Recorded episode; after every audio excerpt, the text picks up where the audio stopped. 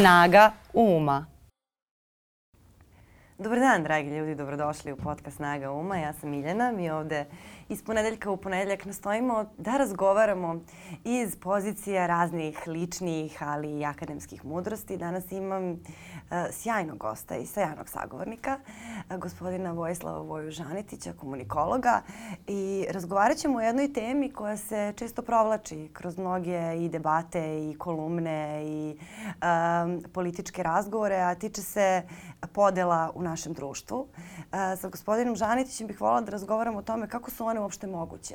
Koje su to mane uh, u ljudima koje nam dozvoljavaju da budemo podložni deljenju na taj način? Šta je to u nama što nam dozvoljava da se zbog politike ili nekih abstraktnih likova vrlo često svađamo i sa najbližnim ljudima? Uh, gospodine Žanetiću, dobro mi došli. Bolje vas naš. Hvala na pozivu. Kako ste i kako vam se čini ova tema? Pa moderna je. pa moderna je, već 2000 godina. Moderna i globalna je. da. A nije, nije večna. Mislite? Nije, ne. Nije u ovakvom smislu večna i nije, ne, ne manifestuje se na ovakav način. Ovo o čemu vi pričate, uh -huh. što ste vi primetili, je pojava novih vremena novijih nije. Dakle, to nije iz istog onog e, zavadi pa vlada i koša. Jeste, uh -huh. slično je, ali e,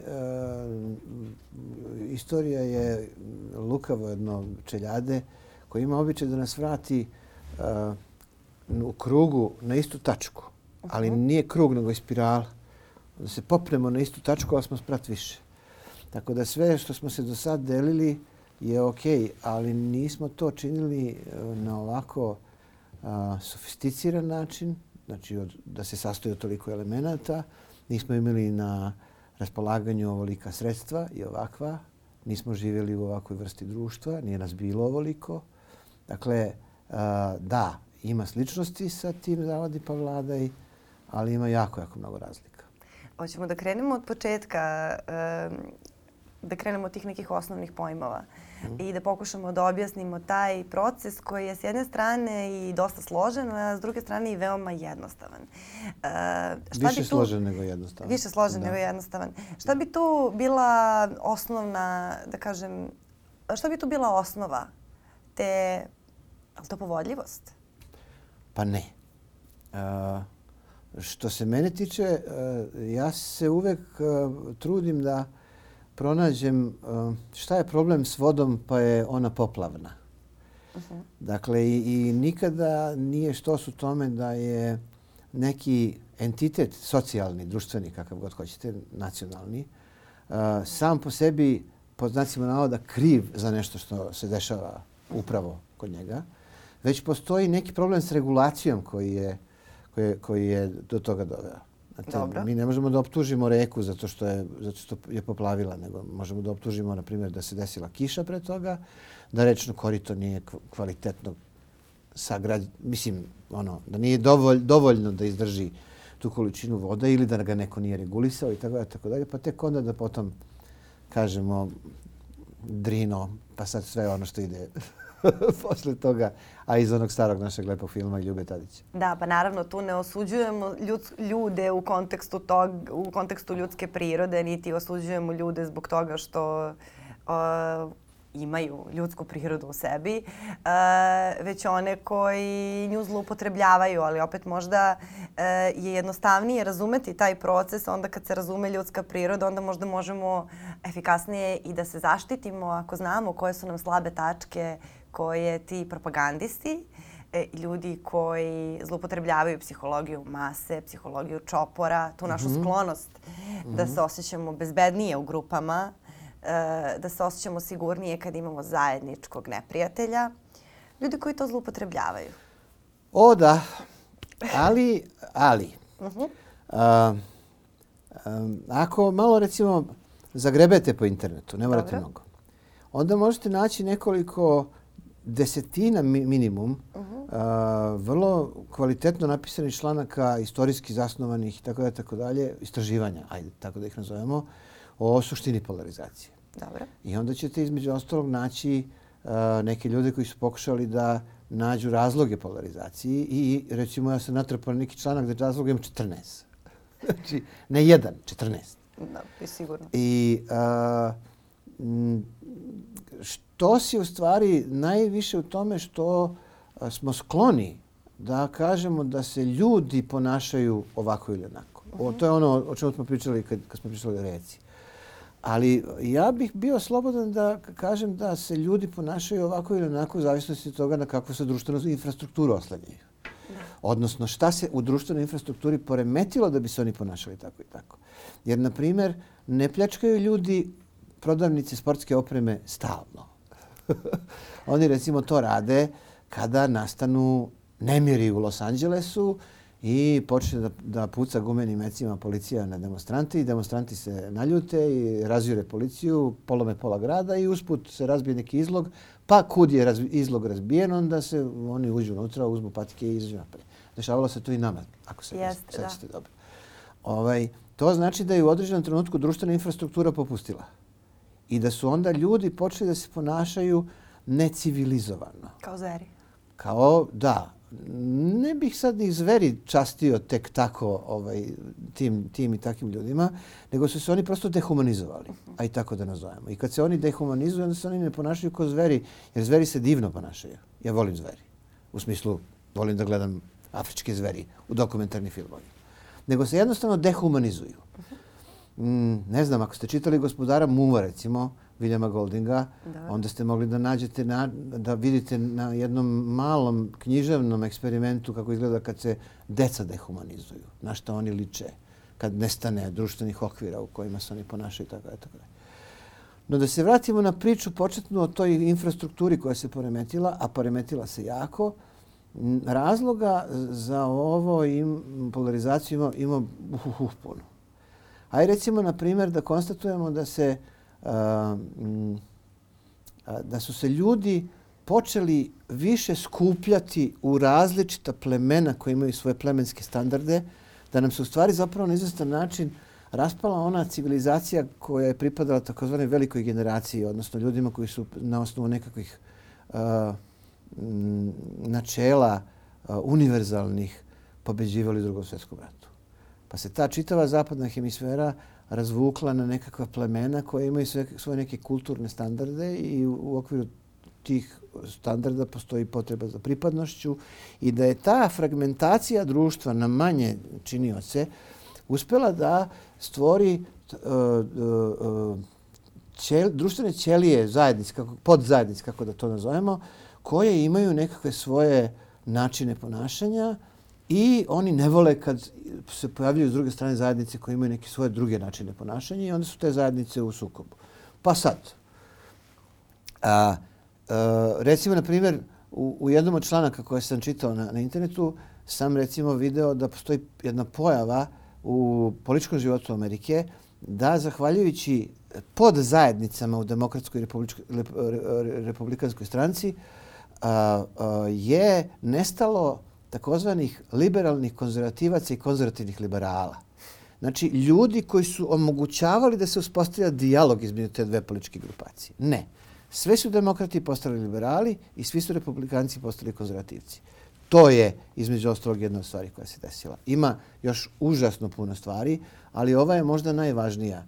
Da se društvo ras, rasturilo u minijaturna plemena i da, je, da, je, da su konflikti između tih plemena omogućili da se stvori klima opšte polarizacije, koja se potom završava u, u borbi Trumpa protiv e, duboke države ili u borbi uh, ovog pokojnog Bajdena protiv Trumpa ili već otkud ja znam što u čemu. Da, i to se, to se vidi uh, maltene po, po svim pitanjima. Uh, koju god temu da uzmete, ljudi će biti ili potpuno nezainteresovani za, za datu temu ili će imati neku vrstu makar male ostrašćenosti uglavnom. Ako, da. ako se postavi po... Je to onda uh, odlika ovog doba? Jesu nam to donele i društvene Jedno, mreže da, pojačale da. sa tim algoritmima koji Jed, su usmjereni? Jedna od zanimljivih odlika jeste ta, to usvajanje tog binarnog razmišljanja. O, o, ili, ili. Uh -huh nestanak centrizma. Znači, to su ovi posrednici o kojima smo pričali, koje omogućava da se oformi kak, nekakav centar. Društvene mreže koje, koje zahtevaju uh, teme koje privlače pažnju više nego teme koje zaslužuju razmišljanje. Uh, I tako dalje, i tako dalje. Jako je, jako je mnogo dakle, razloga. Onda, recimo, društvo se razlojilo, uh, raslojilo u, u, u geografskom smislu. Znate, pre, juče sam recimo prekiče držao predavanje studentima i pokazao sam im da postoje različite kulturne zajednice po pitanju gradova u Sjedinim američkim državama. Da su neodređeni gradovi nerdistani, tamo živi Silikonska dolina i tako, tako dalje. Da su određeni gradovi kreativni centri, recimo San Francisco. Da su određeni gradovi, uh, to se zove organizational age communities, odnosno uh, mesta koja su prilagođena različitim generacijama. A da su određeni gradovi, ono iz onih američkih domaćica, ono kad imaju sve iste tarabe i, i različite kuće, pa su svi komšije. To su tradicionalne, klasični oblici. Da, da organizovanja ljudi i da te četiri različite gradske cijeline imaju različite kulture. I mi sad ovdje zapravo govorimo da je e, da su društvene mreže, e, različiti mediji, e, hiperprodukcija medijskih sadržaja i kulturnih i toga tako dalje stvorile jedan arhipelag civilizacijski različitih kultura. I da pošto jednostavno živimo na ostrovima koja su udaljena, mi onda se različito ponašamo i svađamo se međusobno. Ali ono što je još važnije od svega jeste da postoji jedna ogromna polarizacija po vertikali. A to je da postoji jedan, jedna silesija siromašnog sveta koja je, da, koja je nikad udaljenija od sljedeće klase po, po, po redu. Pa je ta klasa nikad udaljenija od sljedeće klase po, po redu i onda dođemo do onog bizarnog Abramovića koji drži ovaj, svoju jahtu u Crnoj Gori da mu je ne bi neko oteo jer je on za Putina, na primjer, ovaj, koji je a, a, a, koji tokom jednog dana može da prihoduje od profita koliko recimo, na primjer, radnici Amazona tokom cele godine svi zajedno kad se saberu. Na primjer. I to je sad jedna, jedna povećana klasna razlika koja također zahteva polarizaciju uh, otprilike isto onakvu, ali uz pomoć mnogo drugačijih sredstava kakva je bila za vreme francuske, francuske revolucije. Jer se tad su se skidale glave zato što neko ima jako mnogo više nego, a sad bi otprilike trebao se, ne znam, čereči. Vi ste se, imali ste naravno iskustva i sa kriznim komunikacijama i sa rešavanjem na neki način kriznih situacija putem komunikacije. Živio tako sam da, i u toj lokvi. Da. da. I e, sad u, u, u bilo kakvoj kriznoj situaciji, da.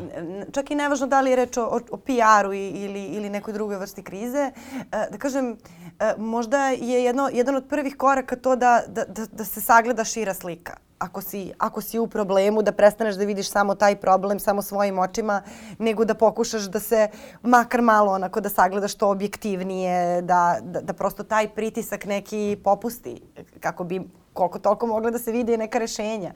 Jer ne možeš videti izlaz ako ne vidiš mapu. Um, ugrubo rečeno. E sad, ako imamo jednu komunikološku tendenciju koja nas sve više i više sužava i koja maltene od svake komunikacije pravi kriznu komunikaciju, koju ne da ne možemo da sagledavamo šire, zato što nas vuče na, na, na, na sužavanje, koliko to na kraju, kada se pomnoži puta koliko nas milijardi ima, zaista vodi ka jednom ono, globalnom problemu, ozbiljnom i maltene i uzrok svega ovoga što živimo danas. Ja bih ukazao na drugu stranu uh mhm. -huh. medalje, ako dozvolite. Ova vaša je skroz tačna. Ali postoji druga strana medalja, a to je da se onemogućavaju i zanemaruju moguća sredstva dijaloga, kao i mhm. moguća sredstva, recimo, prosuđivanja. To je da, to je isto. Pa, na primjer, imate situaciju da, da je ovaj, da, da sad kao, da, postoji polarizacija na, na futbolskom stadionu. Očigledno jedni navijaju za jedne, drugi za druge, čak i vrlo malo oni koji ne znaju. Ali postoje sudije i pravila koje onemogućavaju da se ljudi na kraju pokolju međusobno ne, raz, ne razumevši da je neko dobio ili izgubio. Znači, mi te instrumente polako nemamo. Jedna od stvari koja šteti prilikom velike polarizacije, pogotovo one koja je bazirana na populizmu kao izvoru, uh -huh. to su vam ove zemlje Turska, Mađarska, Srbija, Poljska i tako, tako dalje. Ovaj, dakle, kada, se, kad, kada uh, nema pravila Um, koje, koja nam govore da li je neko pravo ili nije, onda jednostavno društvo puca i ono što je mnogo problematično, a to je kada se pojača polarizacija svrha, na primjer, kada je ona vertikalna i odnosi se na političku moć, vlast i tako, tako dalje, onda se društva uh, jednostavno gube posljedično mogućnost nezavisnosti tih ljudi koji određuju šta je uh, dobro, a šta uh, nezako, zakonito, nezakonito. Futbolskih sudija. Pa da, zato što onda u tom slučaju, uh, uh, i to smo mi imali ovde, uh, kad kažu žute sudije. Znači ti to znači u stvari zapravo da sudije ne bi trebalo da budu žute nego naše. Ne pominje se da, da bi trebalo da budu negde u sredini i, da, i tako. Znači, jedna od pratećih pojava polarizacije unutar politike i unutar polarizovanih društava, pogotovo onih populističkih, jeste da se gube institucije koje omogućavaju nezavisnost, prosuđivanje, a, sa, a da ne pričamo o tome da se gube mesta na kojima bi se mogao obaviti nekakav društveni dijalog. Mi, mislim, ovo, ovaj, ovaj medij koga mi imamo ovde je jedan od redkih na kojima bi se moglo insistirati na društvenom dijalogu, ali je polarizacija njega u stvari na izvestan način napravila i njega nagnutog sirotog, zato što je prosto nemoguće ostati u polarizaciji. Jeste i sad, mnogo mi je drago što ste pomenuli populizam, e, zato što mi e, živimo u tom u vremenu u kom dijalog prestaje da bude nešto prijatno malte ne. Mislim da su podcasti možda jedini ti koji još uvek e, nekako gaje e, razgovor kao neku kakvu prijatnu rabotu, da, da kažem. To je, kao to neku je, rabotu da. kroz koju se raste. Dakle, da. mi smo ovde svojevoljno, prijatno nam je nekom više, nekom manje, ali to nije nešto sada na šta iko ikog tu naterao i drago nam je što smo tu. E, to, to sve više izumire i uopšte to debatovanje, da ne govorim kao nešto što je prijatno, kao nešto kroz što bi trebalo da se raste, razmena kritičkih mišljenja, sukobljavanje mišljenja, to, to, to je stvarno nekako sve više i više se srozava u ovom vremenu u kom živimo. Ja sad mene zanima da li mi kao društvo koje um, je u populizmu, ne vidimo da živimo i u tom globalnom problemu i nekako onda ceo taj paket činjenica da smo zaboravili da razgovaramo, da nemamo nikakav politički dijalog, pripisujemo lepo Vučiću jer to je njegov sektor, a da ne vidimo do koje mere nam to možda utiče i na neke druge aspekte života ovaj, da možda možemo da uzmemo kormilo i na tom polju. Razumem, ali nismo uh -huh. mi došli, niti društvo dolaze u ovu situaciju odjednom. Uh -huh. Znači, prvo da se razumemo, uh, jedan od političkih procesa koji je zanimljiv jeste uh, izumiranje closed door politics, odnosno politike koja se radi iza zatvorenih vrata. Ona se televizovala Znači ona, da, ona sve više post, postaje Show. tako, nešto što... Teleshopping je jedan ideološki, mislim. To politika je postala među vremena. Drugo, uh, ono što je važno razumeti jeste da uh, fasada demokratija u kojoj se mi nalazimo, koja je mhm. svakako populističkog uh, porekla, ona nije od juče ovde. Čak nije ni od Vučića ovde. znači, obeležja fasada demokratije se pojavljuju, počinju da se pojavljuju već od 87. godine u Srbiji, odnosno od 90. godina kada počinje, počinje parlamentarizam u Srbiji, mi smo klasifikovani kao zemlja takozvanog kompetitivnog autoritarizma još u nekim učbenicima iz 90. Mhm. godina. Ovaj, I mi tu praksu nismo napustili. Između ostalog zbog toga što je način političkog biranja i način političkog odlučivanja u Srbiji u stvari zapravo na izvestan način binaran. 0-1. Ili ovi ili ovi i da se taj način neguje zbog toga što se na način ili ovi ili ovi, bez postojanja bilo kakvog političkog konsenzusa, koalicijonog potencijala unutar političkih ovih suparnika i tako dalje, tako dalje, omogućava da kad dođu ovi u zagadi ili oni, onda oni raspolažu svim tim ogromnim resursima sa kojima država Srbija i dalje raspolaže. To su novac od poreskih obveznika, to su devizne doznake na nivou 5 milijardi evra godišnje, a, a možda čak i više sada, to su krediti koji se podižu i koji se mogu bez nekog bog zna kakvog nadzora dalje distribuirati i raspoređivati. Svoje vremeno je Indonezija imala 10 milijardi dolara od Međunarodnog monetarnog fonda 15 minuta na računima svoje države. Razdeljeno tajkunima momentalno. Znači, to nisam znala. Pa da, dakle, to vam je, kad, kako da kažem, uh, it's, uh, it's all about money. Mhm. Znači, kada vi imate jednu tranzicijnu zemlju kao što je ova, u kojoj se a, a, s jedne strane demokratija i sve njene, sva njena aparatura ne koriste iz razloga mm, neizvestne političke kolonializacije ovog prostora, pa onda, kako bih rekao, jedni služe zato što ne smeju drugi bivši režim da se vrati, jeli? A onda posle istog vremena ti drugi, taj bivši režim se preovuče pa se vrati nazad da bi, da bi postojao neko ko kontroliše nekoga ko bi se mogao buniti da bi se dobili ustupci u, u, u Amerikanci su, kad god su hteli neke ustupke na Bliskom istoku, omogućavali desničarima da dođu na vlast u, u, u Izraelu. Jer šta te boli briga, levičari se i onako neće buniti pošto su za... Da, desničari prave probleme. Pa da, oni prave probleme. Da, sa njima dakle, kada se dakle, to Taj, taj naš nedostatak dijaloga uh, je između ostalog programiran, on je negovan, on između ostalog počiva na interesima i on počiva na jednoj uh, stvari koju mi nismo promenili od 1990. otko znam koje godine, a to je izbor predsjednika Srbije. Gde mi u stvari zapravo permanentno biramo spasioca. Nekog lika koji će sad da, kad dođe on, to će da čudo bude, a ovaj pre njega ništa ne valja. I tako je tako dalje. I inače se nedostatak dijaloga jako često pojavljuje kod onih zemalja koji biraju vođu na izborima da se onda bude mi naši, njihovi. Mi smo za ovoga, a vi ste za onoga i tako je tako dalje. I to olakšava polarizaciju. Sad mogu da vas malo davim o tome kako se to u političkom smislu infrastrukturno može, može, može da. pomoći da, da se to, to ne desi. To, to me zanima, na primjer, kada bismo uzeli neki, neki onako laboratorijski uzorak nekih ljudi uh, koji koje bi trebalo da polarizujemo? Kako, pa ne kako moramo da uzmemo laboratorijski uzorak. Možemo da odemo u Maine, državu u Sjedinim američkim državama, ili u Australiju, gdje postoji nešto što se zove preferencijalno glasanje. Uh -huh. Gde je, gde ti e, na svom glasačkom listiću imaš zaokružiš svoje izbore. Prvi izbor, drugi izbor, treći izbor, četvrti izbor ili već koliko god izbora ima. Ko kad I, naručuješ u Max. Tako je, tako je, da. Jeste. I onda, pa kako nema ova voda. O, I onda se ima, mislim, koga ne mrzi ne gleda preferential vote se zove uh -huh. na engleskom jeziku na YouTube-u, možda nađe video o tome. I onda se jednom relativno jednostavnom metodologijom uh, bira onaj ko u stvari ima najviše tih glasova koji se dobijaju kroz prvi, drugi, treći, četvrti izbor. Taj, taj je izbor. I šta to omogućava? To omogućava da se da centrizam ne pogine pred binarnim izborom. Kad je ili Biden ili Trump, Nema ovih koji govore, čekajte ljudi, pa dobro, možda ima Biden dobrih stvari, a možda ima i Trump dobrih stvari, daj da nađemo neku politiku između i tako da. Tako ne.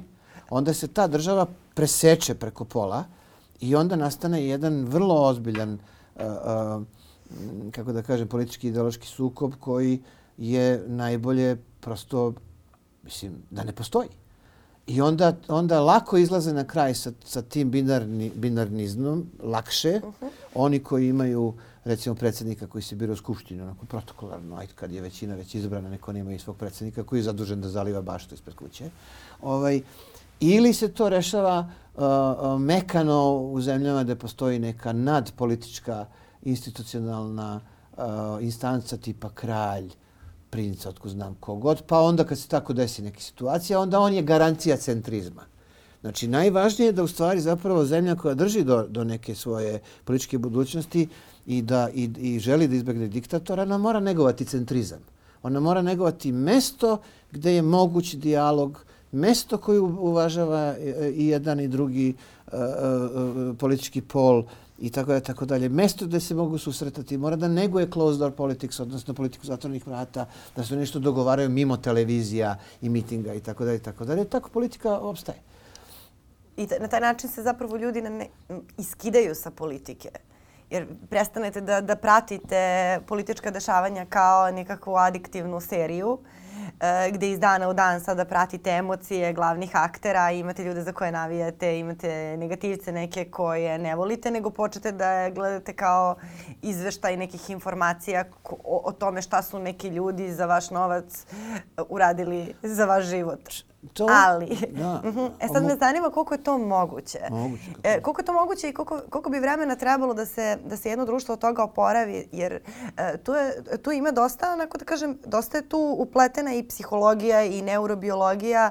Mi znamo da, da ljudi vrlo često i vrlo lako kanališu BSK Uh, političarima, dakle, sobstvenu potisnutu tugu, potisnuti strah koji da. ne mogu da, da realizuju uh, na ne, u nekim svojim poljima, u svojim životima, kada su nezadovoljni poslom, egzistencijom i slično, uh, prosto razviju tu naviku da sa, sa svoj bez kanališu ka, ka nekim političkim protivnicima koji se mnogo lako onako etiketiraju kroz propagandu. Sad, koliko vi mislite da, da, da je potrebno vremena jednom društvu da se oporavi od toga? Jer taj bes, bes kod nas, recimo, već kreće da izbija svuda. On se vidi u saobraćaju. On se vidi, pesma Eurovizije se pretvorila u, pa da, u rat. Ali, Podelila da, se da, Srbija. Da, Mislim, to ali već to kao... je posljedica. Uh -huh. Jer piše u tim knjigama koje niko ne čita da je politička polarizacija a posebno kad je ekstremna, u stvari dovodi do pojačane polarizacije u društvu i do nasilja u društvu. Znači, politička polarizacija je po sebi nasilna. I ona posljedično dovodi do društvene polarizacije, koja se sad polarizacija može voditi na nivou etničke polarizacije, kulturne pripadnosti polarizacije, raznih polarizacija, nije važno. Ovaj, I ona, ona tako funkcioniše. I to je zato što uh, je društvo nije regulisano tako da onemogućava um, tu, tu vrstu polarizacije koja se kasnije širi kao kuga po ostalim delovima društva. I tu nema nikakve biologije, samo da vas upozorimo napred. Mhm. Znate, biologija, uh, uh, ona može imati relativno malog uticaja kada je, recimo, na primjer, nestrpljiv čovek uh, i nervozan, biološki uh mhm. -huh. nestrpljiv i nervozan, na crvenom svetlu gleda eh, da li da pređe ulicu ili ne pređe ulicu kada je kada ne, nema velikog saobraćaja. I okej, okay, to je nestrpljivost. U redu. Ali, na primjer, biologija ne pomaže u slučajima kada je ulica um, gusta, kada je policajac pored, je li onda, čak i kad nije gusta, stoji policajac pored semafora, niko neće preći. Zašto? Zašto je regulisano društvo. Znači, tu postoji neko ko kontroliše situaciju, postoje pravila, postoji mi, postojimo mi koji ćemo ta pravila da, da poštojemo i tako. Ajde, nemoj, nemojmo pešake da uzmemo kao primjer. Ajde, uzmemo vozače. Prazna ulica, crven semafor, gore je možda kamera, možda ću i da poginem, jer postoje pravila koja kažu da treba da stanem da bi onaj prošao što, što vozi 90 na sat sa 3 tone nekog kamiona, jel? I tako da, tako dalje. I onda ja stojim Bez obzira što biologija u meni funkcioniše fenomenalno i što sam ja spreman da uradim sve i tako da je tako je ja hrabri pripadnik balkanskog naroda i što ću ja da jurišam protiv zabrane i tako i tako dalje. Nećeš, prijatelj. Postoji saobraćajna policija, kamera, mogućnost da pogineš i tako da tako dalje. Batali bez biologije. Dakle, uh -huh. um, regulacija društvenih procesa je jedna relativno, kako da kažem, izvediva i proizvodiva stvar. Moguće je da ona ne može se desi u okviru jednog političkog mandata. Moguće je također da ona ne može se desi ukoliko je e, e, neko ko je polarizo, ko insistira na polarizaciji i nesimetriji političkog društva u Srbiji, na primjer, finansiran, odnosno ne finansiran, sponzorisan ideološki, politički, diplomatski i tako da od strane inostranstva. Vratimo se nazad na ovu priču o tome uh -huh. da mhm. mi imamo jedne proizvođače polarizacije koji su ovdje došli u stvari zato što ih neko stavio. Znači nisu oni došli sami. Da. Nego neko, neki ambasadori su ozbiljno radili na tome da oni dođu na vlast. Neki, neki ljudi iz privrede su imali pregovore s njima, davali neka sredstva zajedno sa ambasadorima i tako dalje, tako dalje. Dakle, to je jedan projekat. I taj projekat jeste u stvari pitanje uh, kontrole nekakvih odnosa na Balkanu, kontrole nekakvih granica na Balkanu, kontrole međunarodnih geopolitičkih interesa na Balkanu. I to je sad, kako da kažem, naša polarizacija je posljedica, a ne uzrok. Znači, da. nismo mi ovako nesrećni što smo mi takvi kakvi jesmo, nego što nekako stavio tu da budemo takvi kakvi jesmo. Takozvani kontrolisan haos. Pa tako, nego šta? Da, to je, to je zanimljivo viđenje baš. Pa kako ne? Zato što mi između ostalog, kako bih objasnio, mi dve decenije, tri, otko znam koliko, imamo između ostalog i situaciju u našem intelektualnom okruženju, e, ne svih, naravno, čast izuzecima i pojedincima koje jako volim, ali većina tog sveta, ona ne može da napravi razliku između demokratskog, nacionalnog i geostrateškog pitanja. To su tri različita pitanja. Da koje se uglavnom svode na, na to da smo mi prva Srbija, a ovi su druga Srbija i tako da tako da ni, ni, nema logike, ničega. Mislim. Ali pazite, to proizvode ljudi koji imaju određenu javnu odgovornost kao osobe koje, znači kao neko kad ima beli mantil pa ga ja pitam da li ću ja da umrem. A on kaže nećeš da umreš i onda potom skine beli mantil pošto ga opogu iz zezanja. Mislim, znate, to, je, to su to, to, o, važne stvari mhm. ovdje. I to je to. Je, to, je to. Znači, mi, mi terminologiju ove cele stvari slabo znamo, mi se slabo bavimo objašnjavanjem toga, slabo se i zovu ljudi da nešto pričaju o tome. Hvala vam što ste me pozvali da o ovome razgovaramo uopšte. Ovaj, a, komunikacija je, a, je ovde onako malo i prezrena stvar. Znate, hiljadu puta sam ja u životu čuo reč marketing kao uvredu. Ma da, da, to je marketing. A filozofiju tek? Da, da, i filozofija. Da, filozofija je majka svih nauka, otprilike da ne filozofije ne bilo da je, da je, da je možda uh, naše pitanje toga a šta sve treba da uradimo s ovom našom baštom da bi bila zelena, jer sad nije. I da bi manje loše mirisala, a sad loše miriše. Da bi bila bolje ograđena, a sad je bolje, sad slabo ograđena. Znači, to su sva neka pitanja na koje moramo da odgovorimo i da se vratimo na ovu malo prečenicu, digresija, digresija dugačka. A to ne može u okviru jednog mandata. Ili, recimo, na primjer, ne može u okviru postojanja predsjedničkog kandidata koga smo izabrali mjesec dana pred izborom. Sad ćemo se predomislimo svi zajedno, ovaj, kako da kažem, za tih mjesec dana. Ne može. Prosto su to dugi, dugi procesi i tim mm -hmm. dugim procesima se ne mogu baviti ljudi koji se ideologijom i društvom bave kao da imaju kiosk za viršle. Oni su imao onaj romobilčić pa ide čas na adu, čas ispred bolnice. Znači, ne, pritom mi se jako sviđa voliti to da jedem tamo. Ovaj, naravno, nego, nego ono kao, lju, politika je jedna kompleksna stvar. Ona nije biznis. Ona nije nastupanje po medijima. Ona nije uh, uh, uh, saginjanje ispred velikih sila i gaženje nogama ovih svojih saradnika kad dođeš isfrustriran iz neke, iz neke zemlje gdje te baš ne cene pretrano i tako da tako dalje. To politika je jedna, jedna dru, društvo je, politika je sve. A unutar toga svega postoji neki projekat, postoje neke, neki ljudi koji sede i nešto planiraju u buduće, postoji neki patriotizam, neka empatija, ali nažalost mi toga, toga ovde najmanje imamo. I to je u stvari zapravo nešto što se odnosi na ljudsku prirodu i na ljude i na neregulisanost i tako dalje. Vi u stvari ovdje imate tri, dec, tri decenije organizovanje kleptokratije. U stvari zapravo mnogo čak i više. Kad bi sad uzeli da, da, da, da vidimo koliko se tu ljudi ispod naselilo u tuđe kuće od 45. pa na ovamo, koliko je ljudi bilo na dobrim položajima, zašto im je neko bio u nekoj jedinici, a neko drugi nije i tako dalje. Tako dalje. I to je jedno tresiranje ljudi da je snalaženje neka ultimativna osobina e, i, i da je mm, posao svih nas u ovom društvu koje je turbulentno, koje se menja, dolaze ovi, odlaze oni, da se snađemo. I, pa ja a ne da rastemo. ja sam predlagao u nekim svojim nastupima, malo manje masovnim nego što je ovaj, uh mhm. -huh. da se promeni himna Srbije i da u nju uđe stih šta ga boli.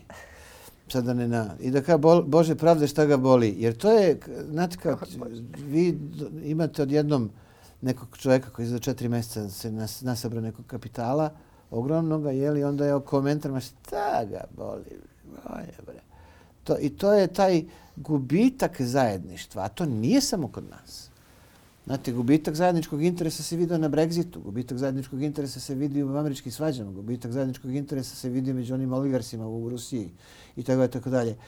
Ta ideja o tome da ne postoji zajedničko je problematična, a posebno kad je prebacimo na, u kontekst da ne postoji zajedničko u okviru generacija. Znate, mi trošimo ove resurse ovde kao da niko nikad posle nas neće postojati, kao da nećemo imati unuke, kao da ništa. Znači, ne, nema, nema čak ni tog jedno, jedne ideje da se svet pravi za one koji će posle nas ostati. Jok bre, svet postoji bez mene sad ovde, drpa i uzima. To znači, na globalnom je, nivou sa zagađenjem već pa postalo da, zabrinjavajuće. To je, to je opet, ali opet je to uh mhm. -huh. posljedica činjenice da je, ljudi žive u jednom svetu kome je jako teško biti skoncentrisan na ta pitanja. Opet infrastruktura živite u konzumerizmu koji je sam po sebi društveno uređenje koje se bazira na potrošaču, a ne na građaninu. Živite u, u, u jednoj medijskoj ekspanziji koja, koja vam svaki čas šalje nekoga ko nešto hoće da vam kaže, ko nešto vam saopštava. Od eh, Instagrama gde sam okačila, okačio la, ne, nevažno, kako sam jutro izgledao la, do poruke na Whatsappu da je sad neko u, baš, ko, baš primetio tog što je što se okačio ili okači la, pa mi poslo, još nis, nije mi dovoljno što sam ga vidio na društvenoj mreži, nego moram da ga dobijem putem personalne poruke. Pozivi, mailovi, mislim, zaista je teško. A pritom je, a pritom je to sve jedna, kako bih rekao, komunikacijska pohlepa. Mi svi vičemo daj, još, još, još. Daj mi toga još, nije mi dovoljno. I sad u okviru tih dis, disrupt, kako se to kaže, um, ometanja koje mi Da, imamo, da. aj sad da ne, lupetam latinski da, kada da. ne znam, ovaj, mi, mi nismo u mogućnosti da se skoncentrišemo na to šta će biti s našim unucima, pravunucima, ništa. Tako tu, tu perdamo po danu u kome živimo i to je problem. Ali opet problem nije u ljudskoj prirodi, nego infrastrukturi koju niko, niko ne, ne, o kojoj niko ne vodi računa. Da, infrastrukturi koja loše leže na, na našu prirodu. Ja nisam tu ni, ni želela da osuđujem ljudsku prirodu, je prosto ljudska priroda je nešto što mi ne možemo da, da menjamo. Ona je nešto što nas ogra, o, s jedne strane ograničava, s druge strane Vi nam i ja daje prostor sve, za i ja razvoj. se sve slažemo. I a, sad, sad me samo zanima, pošto privodimo i, i ovaj razgovor kraju, pomenuli ste da to ne može jednim mandatom političkim, ali možda počne, možda, Mhm. ne znam, verovatno treba. E, I sad zanima me da li je takav jedan oporavak društva i jedno skidanje društva uh, sa potrebe za vođom, jer to je kao neka, ajde da to nazovemo nekim, ne, nekom, uh, nekim socijalnim fiksom, ne znam, ne znam šta je to, ta potreba da se ima vođa koji će da vodi na život, koji će da nas stalno, zbog kog stalno upadamo u te neke dramatične veze sa dramatičnim političkim organizacijama koje završavaju dramatično. o, ovaj, i tako gubimo generacije. Da li to može bez e, školstva i bez kulture? I da li je to možda bila jedna od najvećih grešaka a, prethodnog pokušaja da se to očisti, to što nismo možda svim resursima um, stavi, prebacili borbu na polje kulture i toga, kulture i obrazovanja, jer onda bismo možda imali neke generacije koje bi sad imala 20 godina, koje bi bile mnogo otpornije na, na propagandu. Ne znam, pitam Da. vas, šta vi mislite? Ovako, prvo da se dogovorimo oko toga da se vi i ja slažemo. Mhm. I da u stvari zapravo stalno pokušavam u ovom našem razgovoru, pošto smo već dvoje, jeli? Aha. da kada vi pomenete jednu stranu novčića, da ja pomenem i drugu stranu To je spojen. I da između ostalog po nekom svom ubeđenju kažem koja strana novčića je, je važna. Ono, šta je pismo, šta je glava, u tom smislu. A ono, ovo vaše pitanje, uhaj, mi nemamo više vremena, čini mi se da odgo za njega odgovaramo, ali ukratko, a, da bi jedna zemlja imala budućnost, ona mora prvo da ima slobodu. I ja mislim da najvažniji zadatak e, koji Srbija ima pred sobom, a težak je jako, jer, jer je ovdje, ovo je u stvari jedan veći zapadni grad, 6 miliona ljudi, to nije ništa mnogo, jeste da pokuša da se o- o- izbori za svoju slobodu. Znači za svoju nezavisnost od uticaja, kako god može. Za svoju što veću nezavisnost od stranog uticaja. Moguće je da će to u stvari zapravo se desi putem učlanjenja u Evropsku uniju, zbog toga što kad uđeš unutra, onda si ti kao jedan deo. pa kao deo imaš samostalnost. A ovako kao kad si van nje, ti si niko i ništa, pa onda te oni pritiskaju svi od reda. Ovaj, možda, ne znam. Ovaj, a, a, to je prva stvar. Druga stvar je kad, kad, kad si prvo između ostalog toga svestan da je potrebna tvoja sloboda i samostalnost, kad je želiš, ali ne na ovom banalnom, debilnom nivou, ovo tipa UA NATO i to sve ostalo, nego da zaista fundamentalno želiš da se očuva resurs ove zemlje i da tako, da, tako stvar postavljaš, onda je ostalo, onda je sljedeće pitanje jeste složiti resurse po značaju. Jedan resurs je mladost, druga resurs, resurs je rudna bogatstva, treća resurs je šume, četvrta resurs, otkud ja znam, ima resurs kako hoćeš. Sigurno je, mla, sigurno je privrednik domaći je resurs, mislim, jer on, on, on, on, prosto ti ostavlja pare ovde i ostavlja neke svoje ljude ovde i tako dalje, tako dalje. Dakle, složiti resurse je jedno, jedno mm, važno i komplikovano pitanje. Ja imam kod kuće neku privatnu listu 20 značajnih pitanja Srbije. I stalno preslažem je. Zašto se stalno nekako menja se to, ponekad upada i neko novo pitanje koje nisam, recimo epidemiološka pitanja, što nisam uvrštavao u pitanja bitna, međutim, eto, korona donela. I on, to meni služi kao neka vrsta društvenog kompasa, mog ličnog, da vidim, da odvojim šta je bitno, šta je nebitno i tako dalje. Ovo o čemu ste vi pričali je svakako izuzetno važno i bitno. A sad ide sljedeće pitanje, ali da bi to postojalo, mi moramo da imamo jednu neporoznu državnu strukturu. Neke, neku vrstu monaha tih neosetljivih na pare, zatamljene džipove i Mercedese e, e, koji ne idu kod plastičnih hirurga da se peglaju i tako dalje, tako dalje, da bi to moglo. Neka vrsta sekte, ali ne ove ovake kak ima sada, nego asketske sekte državnih službenika neotpornih na političke i partijske promenike, promene koji žele da ostave nešto iza sebe u smislu generacija. Mi to sad trenutno nemamo. Mi smo, mi smo jedno bušno, korumpirano uh, sito na kome nema pčela, jer, jer ne može. I onda u okviru toga u, u takvo sito upadaju, vi kažete obrazovanje. Nikakav problem nije. Ko proizvodi učbenike u Srbiji? Joj, to Inostrane kompanije. Teška tema, da, da. Vi kažete, vi kažete, vi kažete voda. Nema problema. Ko, je, ko drži vodu u Srbiji? Većinu. Sem vodovoda. Dok si to ne proda. A i to kako je drži. I vi kažete uh, putevi. Važi, ok, u redu. Ko ih je gradio? I ko ih je finansirao? I, koliko je finansi, I ko je finansirao, čiji su radnici to radili i koliko ćemo još godina da ih otplaćujemo. I tako dalje, i tako dalje. Znači, to su, jedno, to su stvari koje... Uh, mi imamo taj estradni nacionalizam koji je tako ono izađeš na televiziju pa pljuješ po nekim Amerikancima i Nemcima ili i imaš i estradni građanizam, uzme pljuješ po Rusima. Pa i tako dalje i tako dalje. Ali ti u stvari zapravo nemaš, ovdje nemaš uh, od, to, od te silne estrade, od toga da se i patriotizam televizovao i postao neka vrsta realitija.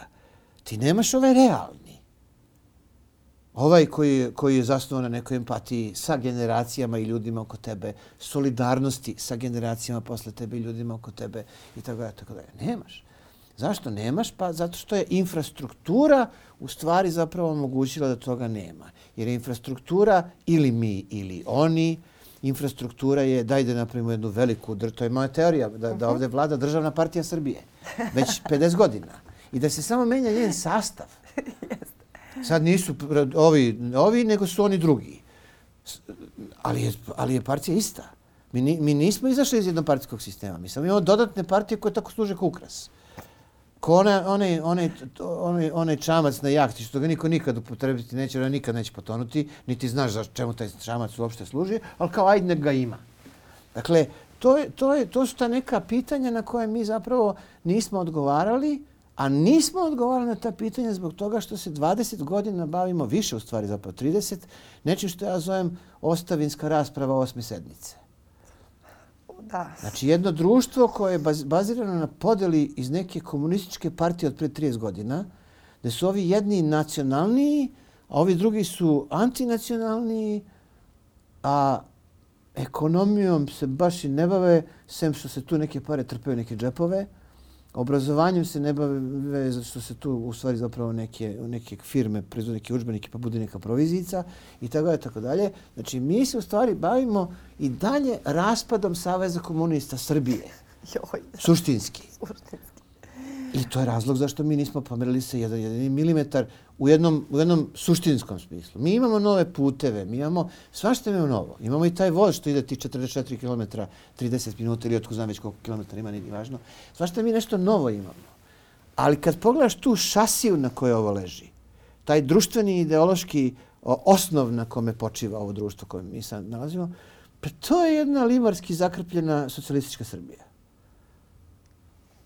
Da, to je jako zanimljivo. I to je razlog između ostalog zašto je ovo polarizovano, kao što je u stvari zapravo na isti, isti razlog postoji zašto je polarizovana Velika Britanija, Sjedinje američke države i tako da. Znači, to je taj isti limar, kad je pao Berlinski zid, rekao da demokratija ne treba se održava. Ona je tu. Ona je pobedila. Kraj je demokratije. Odnosno, pardon, večna je demokratija a kraj ovoga svega ostalog isto.